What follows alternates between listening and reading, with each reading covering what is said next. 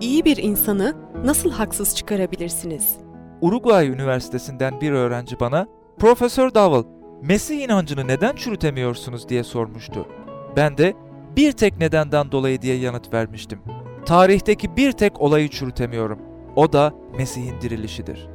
Bu olayı uzun bir süre inceledikten ve temelini tümüyle araştırdıktan sonra şu sonuca ulaştım. İsa Mesih'in ölümden dirilişi ya insanlığa yapılan en kötü, en zalimce ve alçakça düzenbazlık ya da tarihin en önemli gerçeğidir. Diriliş konusu Mesih inancı gerçek midir sorusunu felsefe sahasından çıkarıp tarih sahasına sokar. Mesih inancının tarihsel olarak kabul edilebilir bir temeli var mıdır? Dirilişin gerçekliğine inanmak için yeterli kanıt var mıdır? Dirilişle ilgili bazı gerçekler şunlardır.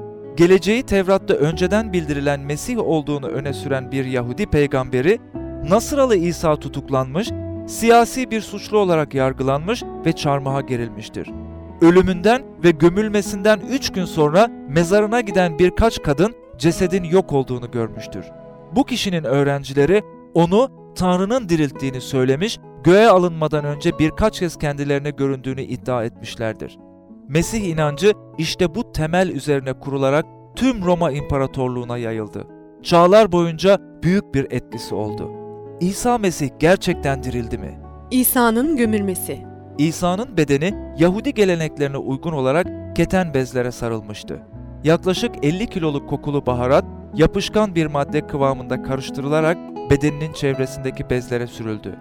Beden kayadan oluşan sağlam bir mezara konuldu. Son derece büyük bir taş. Aşağı yukarı 2 ton ağırlığında olan son derece büyük bir taş kaldıraçlar aracılığıyla mezarın girişine yuvarlandı. Son derece disiplinli Romalı bir manga asker mezarı güvenlik altına almak için oraya yerleştirildi. Cezalandırılma korkusu özellikle gece nöbetlerinde görevin kusursuz bir dikkatle yapılmasını sağladı. Bu manga mezara Roma gücünü ve yetkisini simgeleyen mührü bastı.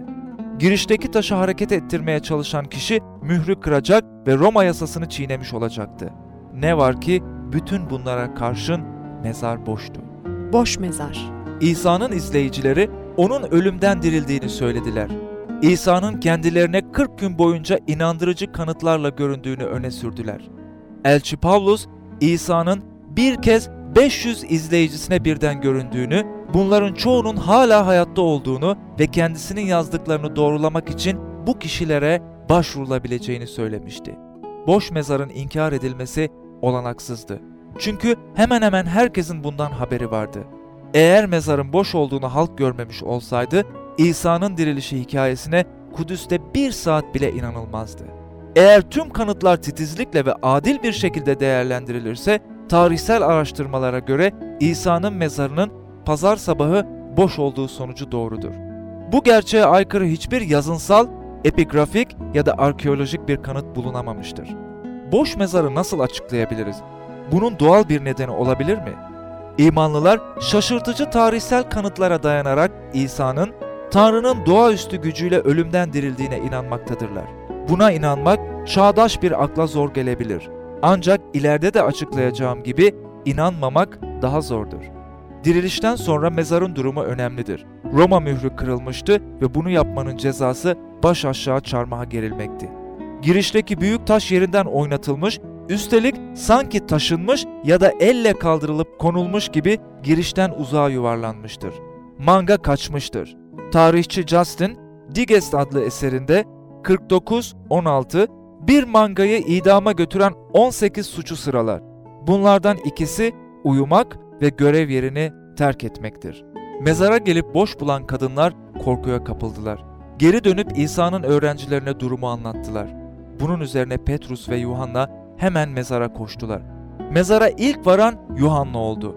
Keten bezler yerdeydi ve içi boştu. Mesih'in bedeni bu bezlerden sıyrılmıştı. Yanlış mezar mı? Acaba yanlış bir mezara mı gidilmişti?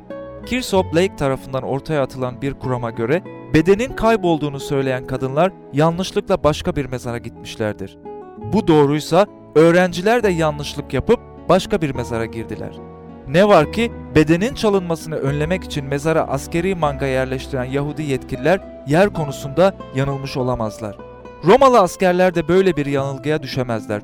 Çünkü zaten oradaydılar. Eğer yanlış bir mezar söz konusu olsaydı Yahudi yetkililer doğru olan mezardan bedeni çıkarıp diriliş söylentisine hemen son verirlerdi. Başka bir açıklama ise dirilişten sonra İsa'nın öğrencilere görünmesinin aslında halüsinasyon ya da ilüzyon olduğu şeklindedir. Ancak tarihsel durum ve elçilerin akıl yapıları halüsinasyonları yaratan psikolojik ilkelere yer vermemektedir. O halde gerçek bedene ne olmuştur? İsa nereye gitmiştir? Bayılma kuramı. Birkaç yüzyıl önce Venturini tarafından ortaya atılan ve bugün de bazı kişilerin öne sürdükleri bayılma kuramına göre İsa aslında ölmemiş, kan kaybından ve yorgunluktan bayılmıştır. Herkes İsa'nın öldüğünü sanmıştır. Fakat İsa daha sonra kendine gelmiş, öğrenciler de onun ölümden dirildiğini sanmıştır. Dirilişe inanmayan kuşkucu Strauss bile İsa'nın bayılmış olması kuramına karşı çıkmıştır. Mezardan yarı ölü bir durumda çalınmış, zayıf, hasta, tıbbi müdahaleye muhtaç olan, tedavisi, dinlenmesi ve güçlenmesi gereken bir kimsenin öğrencilerine ölümü ve mezarı yenmiş görkemli bir yaşam önderi izlenimi vermesi olanaksızdır. Tam tersi İsa'nın böyle bir baygınlıktan ayılmış olması öğrenciler üzerinde daha önceden yaratmış olduğu görkemli izlenimi bozardı. Üstelik bu olasılık öğrencilerin kaderini coşkuya, saygılarının tapınmaya dönüşmesi için son derece yetersizdir. Beden çalındı mı? Başka bir kurama göre Roma mangası uyurken öğrenciler bedeni çalmıştır. Ancak öğrencilerin içinde bulunduğu depresyon ve korkaklıkları böyle bir varsayımı ortadan kaldırıyor. Mezardaki askerlerle yüzleşme tehlikesini göze alacak kadar cesur ve girişken değildiler. Üstelik ruh durumları bunu yapmaya hiç elverişli değildi. Bu olasılık öğrenciler hakkındaki tüm bildiklerimizle çelişmektedir. Ahlaksal öğretişleri, yaşam nitelikleri, İsa uğruna çektikleri acılar ve gördükleri zulümleri bu varsayımı ortadan kaldırıyor. Üstelik İsa'nın bedenini çalmış olmaları, terk edilmiş ve ümitleri kırılmış kaçakları hiçbir baskının durduramadığı cesur tanıklar haline getirmeye yetmez. Yahudi ve Romalı yetkililerin Mesih'in bedenini almış oldukları varsayımı ise aynı derecede mantık dışıdır. Yetkililer bedeni alıp sakladılarsa öğrenciler Kudüs'te dirilişi vaaz ederken nerede olduğunu neden söylemediler? Oysa bedeni bir arabaya koyup Kudüs'ün ortasına sürebilirlerdi. Böylece Mesih inancını daha başlamadan yok etmiş olurlardı. Neden böyle yapmadılar? İsa'nın öğrencilerinin böyle bir masal uydurup bunu İsa'nın bedenini ortaya çıkarıp gösterecek kişilerin arasında vaaz etmeleri kuramı mantık dışıdır. Dirilişe kanıt. Oxford'da Modern Tarih Bölümü Başkanı olan Thomas Arnold, aynı zamanda Roma Tarihi adlı eserin yazarıdır. Tarihsel gerçekleri değerlendirmek konusunda kanıtların önemini iyi bilmektedir. Kendisi şöyle demiştir. Başka zamanların tarihleri üzerinde yıllarca çalışmalar ve incelemeler yaptım. Bu tarihlerin kayıtlarını yazan kişilerin kanıtlarını değerlendirdim, ölçtüm ve sınadım. İnsanlık tarihinde her çeşit kanıtla doğruluğu ispatlanmış bir gerçek varsa o da Tanrı'nın ölen ve ölümden dirilen Mesih aracılığıyla bize sunduğu büyük belirtidir. Bütün kanıtları bir araya koyarak şunu söyleyebiliriz. Mesih'in dirilişinden daha iyi ve çeşitli şekilde kanıtlanmış başka tarihsel bir olay yoktur. Harvard Üniversitesi profesörlerinden ve Amerika'nın en büyük hukukçularından biri olan Dr. Simon Greenleaf, elçilerin Mesih'in dirilişine ilişkin tanıklıklarının yasal değerini inceleyen kitabında şunları yazıyor. İsa gerçekten ölümden dirilmemiş olsaydı ısrarla dirilişi vaaz etmeleri olanaksızdı. Bugün adalet mahkemelerindeki yasal kanıt kurallarına göre Mesih'in dirilişi tarihin en iyi desteklenen olaylarından biridir.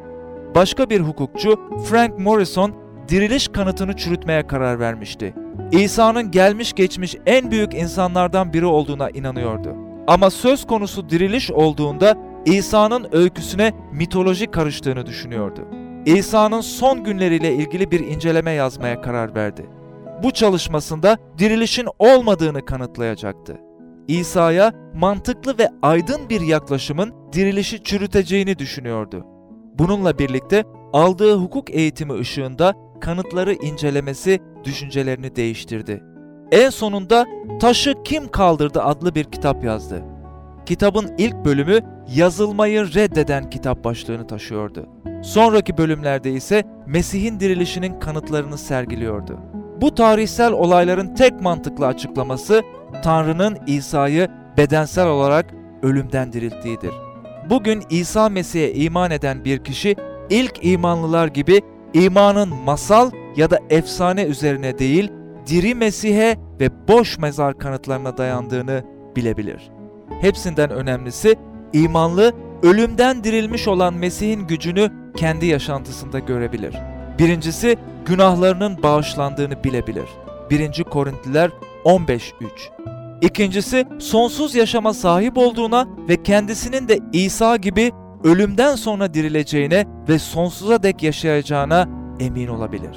1. Korintliler 15-19-26 Üçüncüsü anlamsız ve boş bir yaşamı bırakarak İsa Mesih'te yeni bir varlık olmak üzere değişebilir. Yuhanna 10-10 2. Korintliler 5-17 Sizin değerlendirmeniz ve kararınız nedir? Boş mezar konusunda ne düşünüyorsunuz? İngiltere Adalet eski bakanlarından Lord Darling şu sonuca varıyor. Hem olumlu hem de olumsuz. Hem durumlara hem de koşullara bağlı o kadar çok kanıt var ki dünyanın her jürisi dirilişin gerçek olduğu kararını verecektir.